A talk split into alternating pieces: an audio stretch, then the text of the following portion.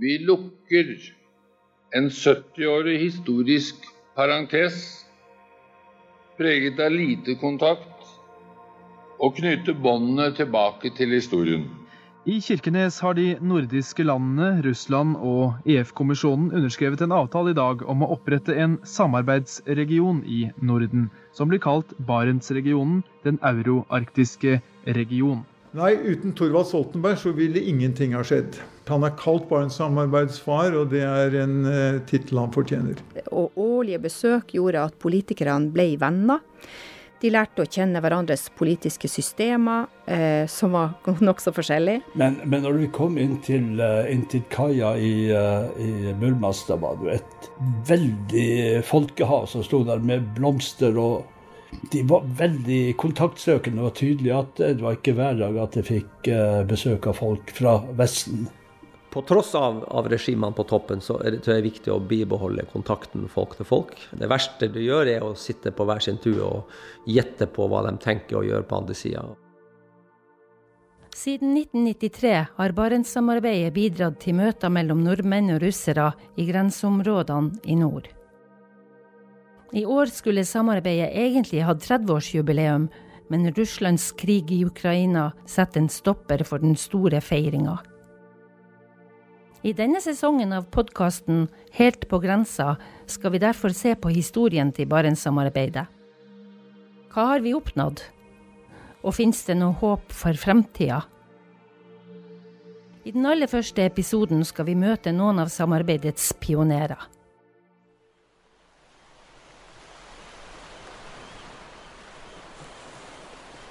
Havstrekket fra Vardø til Murmansk er 230 km langt og et av de tøffeste og mest værharde i verden. Dette var likevel bare ett av hindrene da Vardø Bymusikk i 1959 la ut på en historisk tur. I et fiskefartøy satte de kursen mot nabobyen i øst uten godkjent visum til Sovjetunionen. Nei, altså det var han, Willy Wilhelmsen var jo formann i korpset, og han, han eh, jeg tror han likte enhver hindring som jeg tok det som en utfordring. Og han, han, sa vel at dette ordner seg. Det, vi bare kommer til Murmansk, så det er ingen som sender oss tilbake igjen. Og han hadde jo rett i det. Leif Peder Holt var 15 år gammel da han sammen med sine korpsvenner satte kursen mot Murmansk. Vi starta fra Vardø med fiskebåten eh, Yngvar og strålende vær den første delen av turen. Og når vi liksom etter hvert begynte å, å nærme oss eh, Murmansk, Kolafjorden, og begynte å kjøre inn der og så forskjellige marine baser, ubåter som lå, lå der, så, så, tror jeg vi tok inn over oss hvor vi egentlig var henne.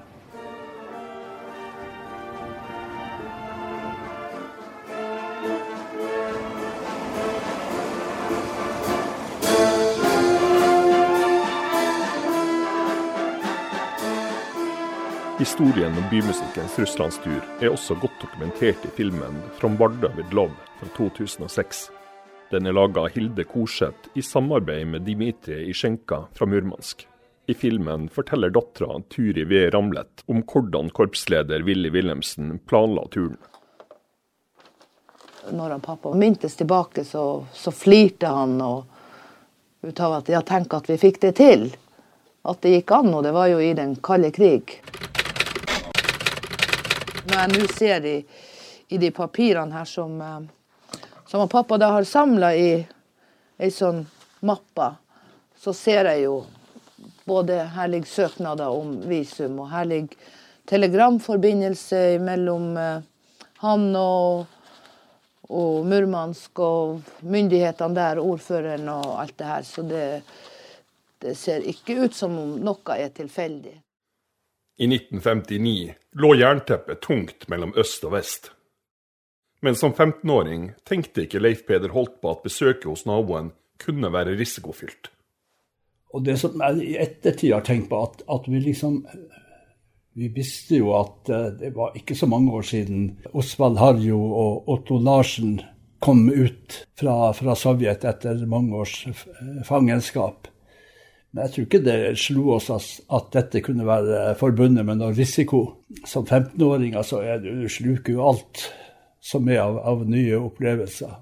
Selv om man var nære naboer geografisk, var det på dette tidspunktet minimal kontakt mellom vanlige mennesker i Finnmark og nordvest i Russland. De dristige korpsmusikerne fra Vardø ble dermed pionerer i arbeidet med å skape kontakt over grensene. Men, men når vi kom inn til, uh, inn til kaia i, uh, i da var det jo et veldig folkehav som sto der med blomster. og De var veldig kontaktsøkende. Det var tydelig at det var ikke hver dag at jeg fikk besøk av folk fra Vesten. Men hva var drivkraften for å legge ut på turen til Murmansk? En nysgjerrighet og et ønske om å bli kjent med naboene, forteller Leif Peder Holt. Motivasjon, det var vel Ja, det var, kan være mange grunner for den. Men det var jo én offisiell begrunnelse, og det var jo at uh, man skulle opprette en avdeling av norsk-sovjetrussisk samband i Murmansk. For det var oppretta en uh, tilsvarende avdeling i Vardø tidligere, hvor uh, Kolbjørn Valle var formann. Så det var rett og slett en motivasjon om at man ville lære mer om, om naboene sine? Det var åpenbart at det var det som var motivasjonen, ja. Vi lukker en 70-årig historisk parentes preget av lite kontakt, og knytter båndene tilbake til historien. Det er også et resultat av den spennende reformprosessen i Russland. Daværende utenriksminister Thorvald Stoltenberg var helt sentral i arbeidet med Kirkenes-erklæringa. Dokumentet ble undertegna av Norge, Russland, de øvre nordiske landene og den daværende EF-kommisjonen 11.11.1993. Avtalen bana vei for et tettere samarbeid over det som inntil nylig hadde vært lukka grenser.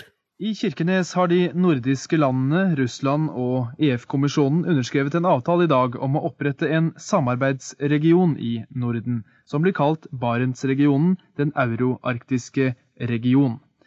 Formannskapet skal gå på omgang mellom Finland, Norge, Russland og Sverige, opplyste initiativtakeren utenriksminister Thorvald Stoltenberg.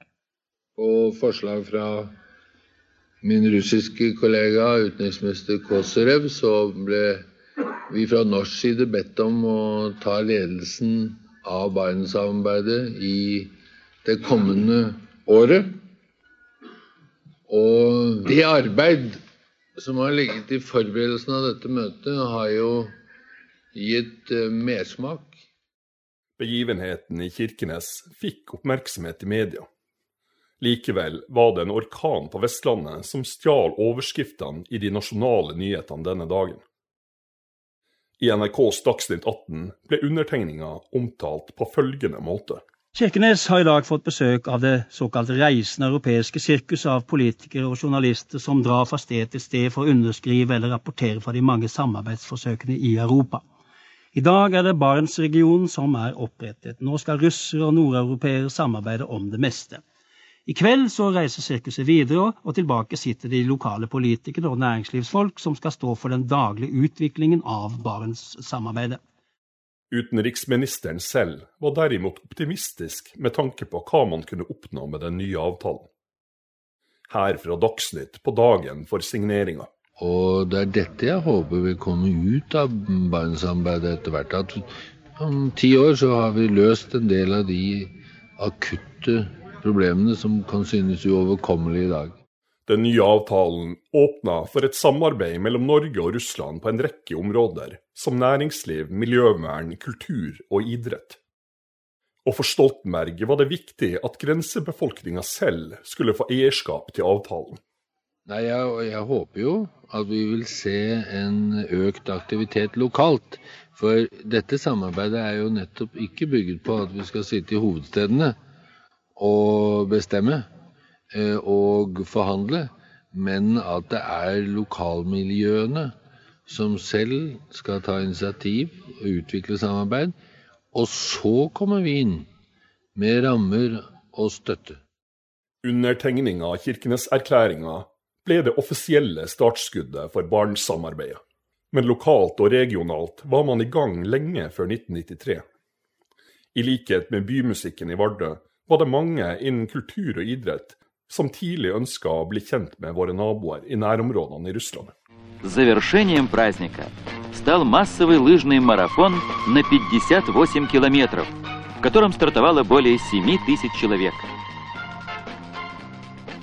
I Murmansk samla skirennet Nordfestivalen Prasnik Sebra løpere fra store deler av Sovjetunionen og Øst-Europa. For lokale løpere i Øst-Finnmark ble rennet både en spennende sportslig utfordring og en mulighet til å bli kjent med jevnaldrende på den andre sida av grensa. Nordfestivalen var et stort skirenn eh, helt, helt, fra eh, ja, der hvor østblokken samla seg. De, og de var jo blant de beste i verden den gangen, så det var veldig høyt nivå på disse løpene. og Veldig attraktivt for løpere fra Finnmark og fra, også fra Norge å delta der. For senere OL-vinner Vegard Ulvang ga turene bekjentskaper som han fortsatt holder kontakt med den dag i dag. Jeg var første gangen dit, um, tror jeg var noe sånn som i 1983, som junior, og fikk oppleve et stort skirenn, først og fremst. Da. Møtte uh, russisk, de beste russiske juniorløperne, som jeg da hadde møtt også i junior-VM tidligere på vinteren, og, og ble, skapte jo da et vennskap med f.eks. Vladimir Smirnov og, og Aleksej Prokhororov, som jeg hadde omgang med hele min senere aktivere karriere. Langrennsturene fra Øst-Finnmark starta allerede på 60-tallet. Og etter hvert fatta også norske toppløpere interesse for det store rennet i Murmansk. En viktig initiativtaker var Vegards far, Arne Ulvang.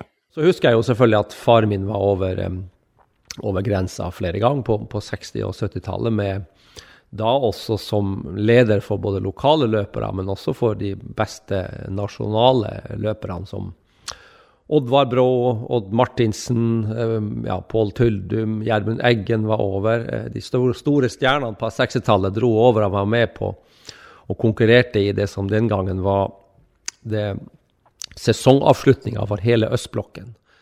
Det var ikke bare langrennsløpere som fant nye venner og konkurrenter på den andre sida av grensa. Norske og russiske brytere, svømmere og badmintonspillere dro stadig på besøk til sine naboland for å konkurrere. Vegard Ulvang er overbevist om at idretten har vært en viktig brobygger. På tross av, av regimene på toppen, så er det, tror jeg, viktig å bibeholde kontakten folk til folk. Um, det er med på å bryte ned Det verste du gjør, er å sitte på hver sin tue og gjette på hva de tenker å gjøre på andre sida, istedenfor da å møtes og, og, holde kontakten og så si at dette er jo, dette er jo folk som som du og meg. Vi, dette, er ikke, dette, er ikke, farlig og ikke skremmende og sånn, på noen som helst måte. Ja, Det vi ser når vi snur oss og ser ut gjennom vinduet her, så er det jo For det første så er det jo Pasvikelva. Halvparten av den er jo russisk. Også de fjellene på andre sida, så er det jo russiske fjell. Få opplever en stengt grense mer spesielt enn de som bor rett ved den. Fra Pasvik folkehøgskole på Svanvik er avstanden til Russland under en kilometer. Ja, det, det, er nærheten, men som samtidig var så fjern. Altså så nært, men likevel så fjernt. Så det var den følelsen at uh, man fikk når man begynte å jobbe her. Vi må jo bli kjent med de på andre sida av elva. Og vi var jo sikre på at de hadde den samme nysgjerrigheten på oss. Så det var jo to folk på, på begge sider av elva her, på begge sider av grensa, som var nysgjerrige på hverandre, men som ikke hadde muligheten til å bli kjent med hverandre, fordi at forholdene lå ikke til rette for det. Åsmund Røst og Tommy Rangmo jobba gjennom mange år på Folkehøgskolen. De forteller at nærheten var en viktig motivasjon da skolen tidlig søkte kontakt over grensa. Og jeg tror en av eh, beveggrunnene for folkehøgskolen til å starte østover, det var å ta i bruk nærområdet. Man var godt skodd med Finland, med Nordkalottsamarbeid. Og jeg tror tidligere rektor Svein Aas Rødtsen, var klar at østover måtte vi også dra. Og det i seg sjøl var jo en drivkraft. Å, å, reise og se hvordan folk hadde det på andre sida. Fordi at uh, før krigen, og før jernteppet senka seg her, så var det jo forbindelser. Folk reiste jo over. Familiene bodde på andre sida av elva når det var finsk, og, og likedan når det var russisk. Så det var jo mulig å reise over. Så, så, så, så, den trangen til å reise bare rett over elva og se hvordan man hadde det på andre sida, den lå jo naturlig planta i alle folk som bodde her i Pasvikdalen på den tida. Så det var en motivasjon i seg sjøl. Allerede på 60-tallet var skolen på sine første besøk i daværende Sovjetunionen, forteller Røst. Den første gangen skolen reiste over til Sovjet, som det da heter, det var på, på våren i 1967.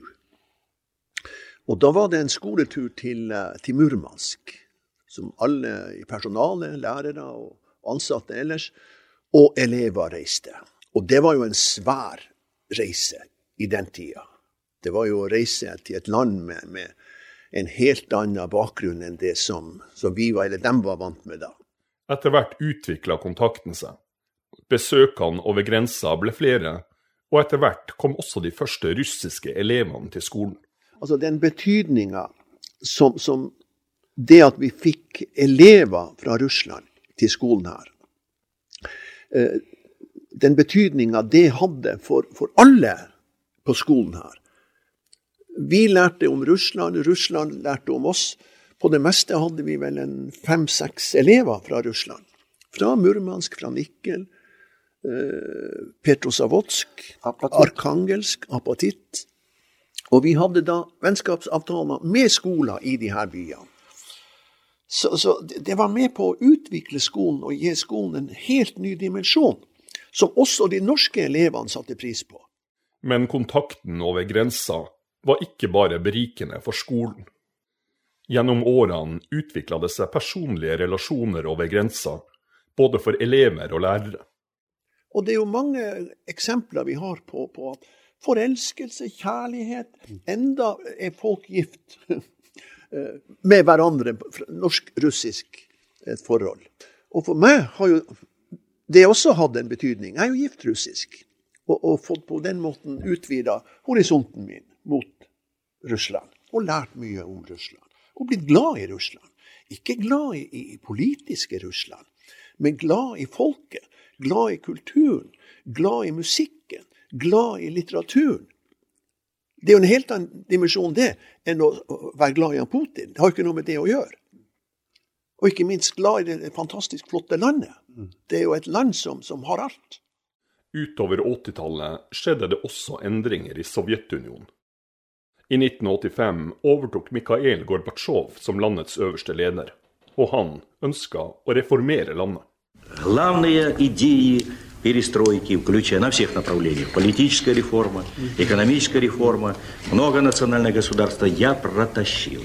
I Murmansk i 1987 holdt Gorbatsjov en tale som mange mener var viktig for det framtidige Barentssamarbeidet. Der snakka han varmt om mer samarbeid i regionen, Nordøstpassasjen som sjørute og kontroll over atomforurensinga i nordområdene var viktige temaer og de mer åpne tonene fra russisk side fikk også lokalpolitikere i Nord-Norge til å se østover. Det som er så interessant, at her var det jo veldig veldig mange eh, som kasta seg på og gjerne ville være med. Eh, vi utvikla en rekke utvik utvekslingsprosjekter med russisk side utover på 90-tallet.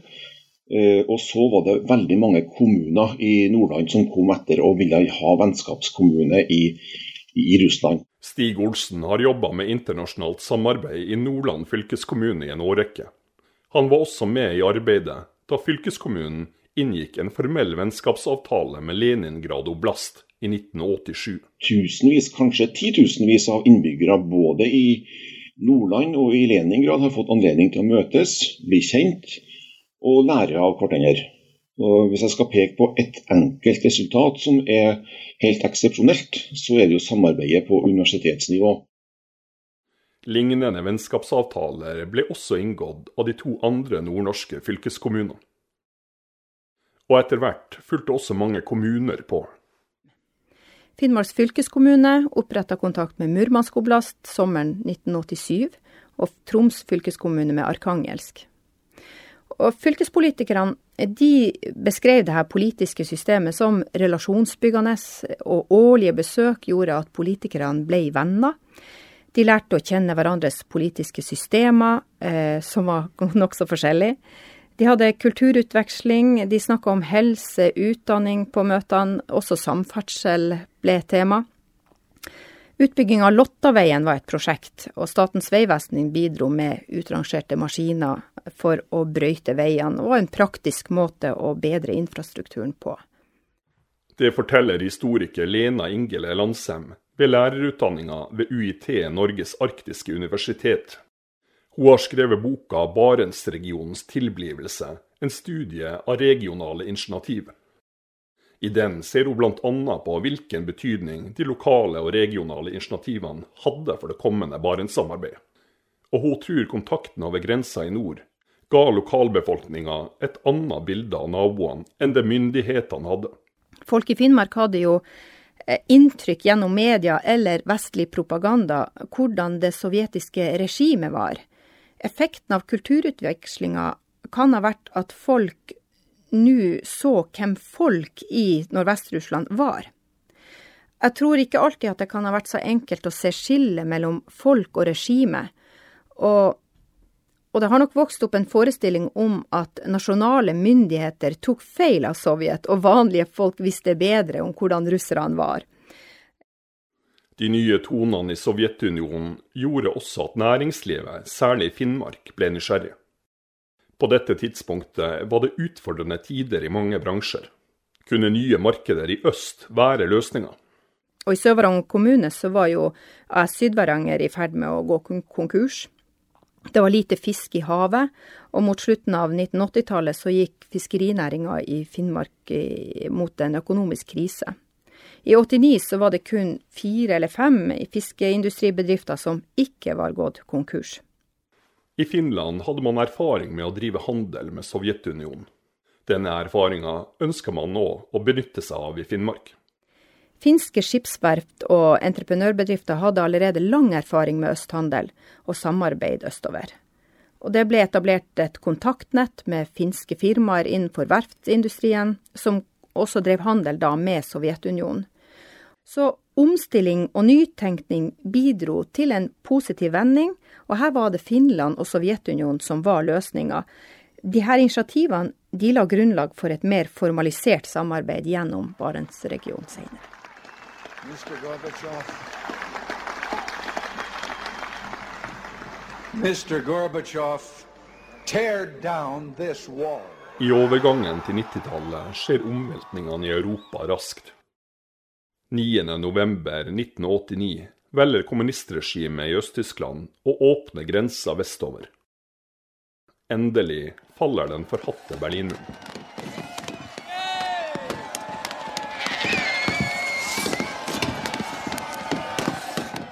Senere, i 1991, kollapser også Sovjetunionen. I Utenriksdepartementet kommer spørsmålet om hvordan man skal forholde seg til det nye europakartet. Et av svarene er et tettere samarbeid over grensene i nord.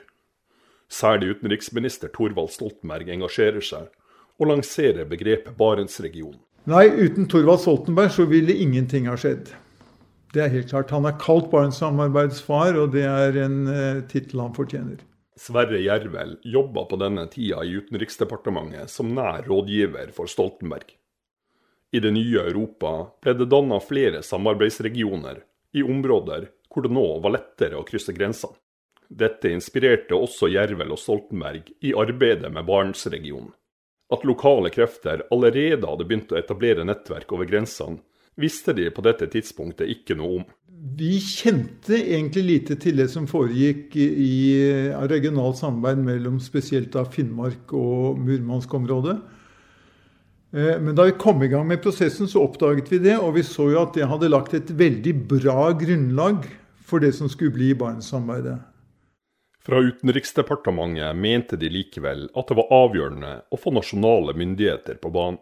Vi så også begrensningene på det samarbeidet som foregikk regionalt i nord.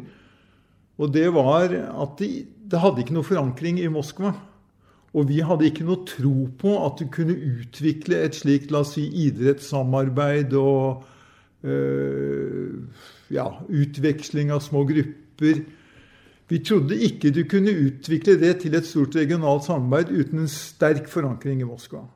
De lokale og regionale samarbeidsinitiativene levde dermed et liv parallelt med arbeidet i Utenriksdepartementet.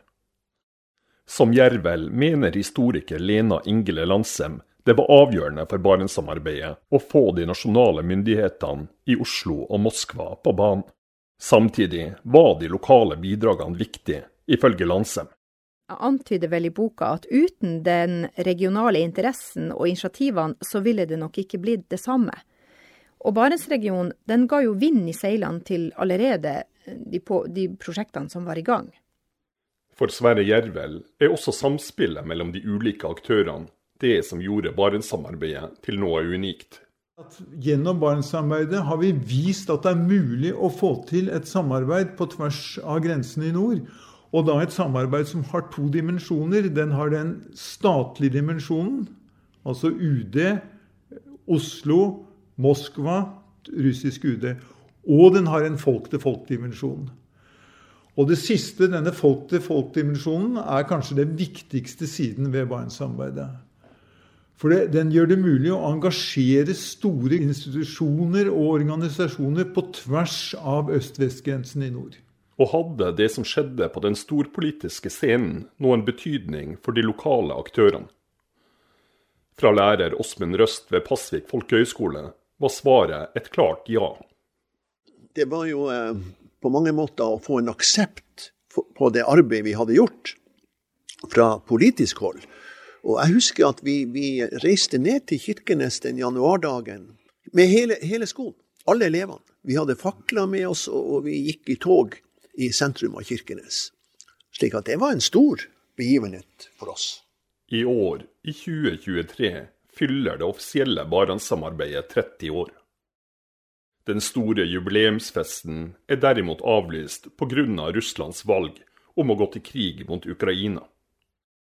Mye av folk-til-folk-samarbeidet mellom Norge og Russland er også lagt på is. Men har 30 år med samarbeid vært forgjeves? Nei, mener Sverre Jervel. Altså, Regimet i Moskva det kan komme og gå. Putin vil en gang gå.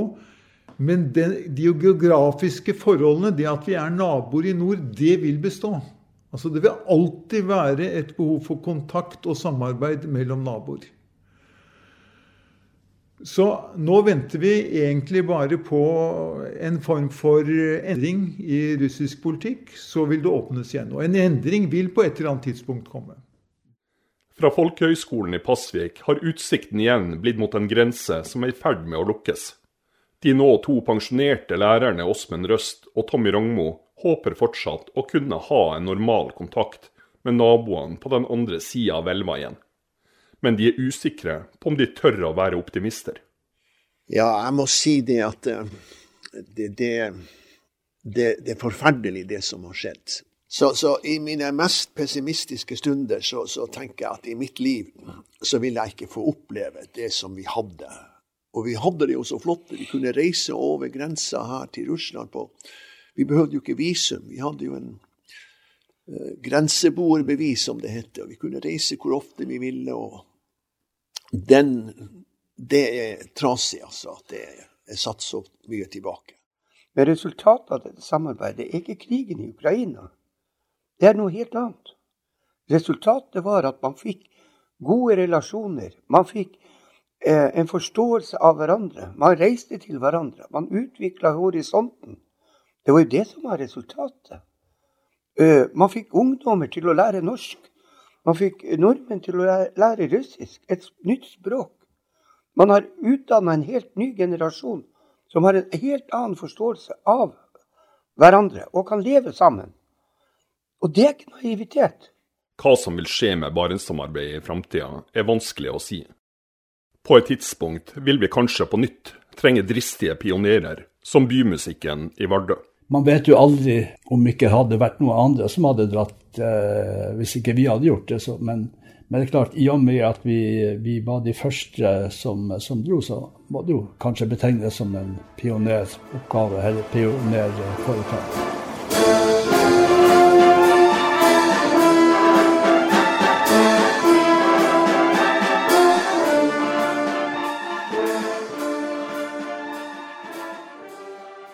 Denne podkasten er laga av Barentssekretariatet. Vi takker for alle som har bidratt til den første episoden. Gjennom 2023 vil det komme nye episoder i denne serien. Kommentaren er lest av Aslak Ballari, og mitt navn er Kim Stenersen. I podkasten ble det brukt utdrag av musikk og intervjuer fra filmen 'From Vardø with Love', laga av Hilde Korseth og Dmitrij Isjenko, produsert av Tundra Film AS i 2006.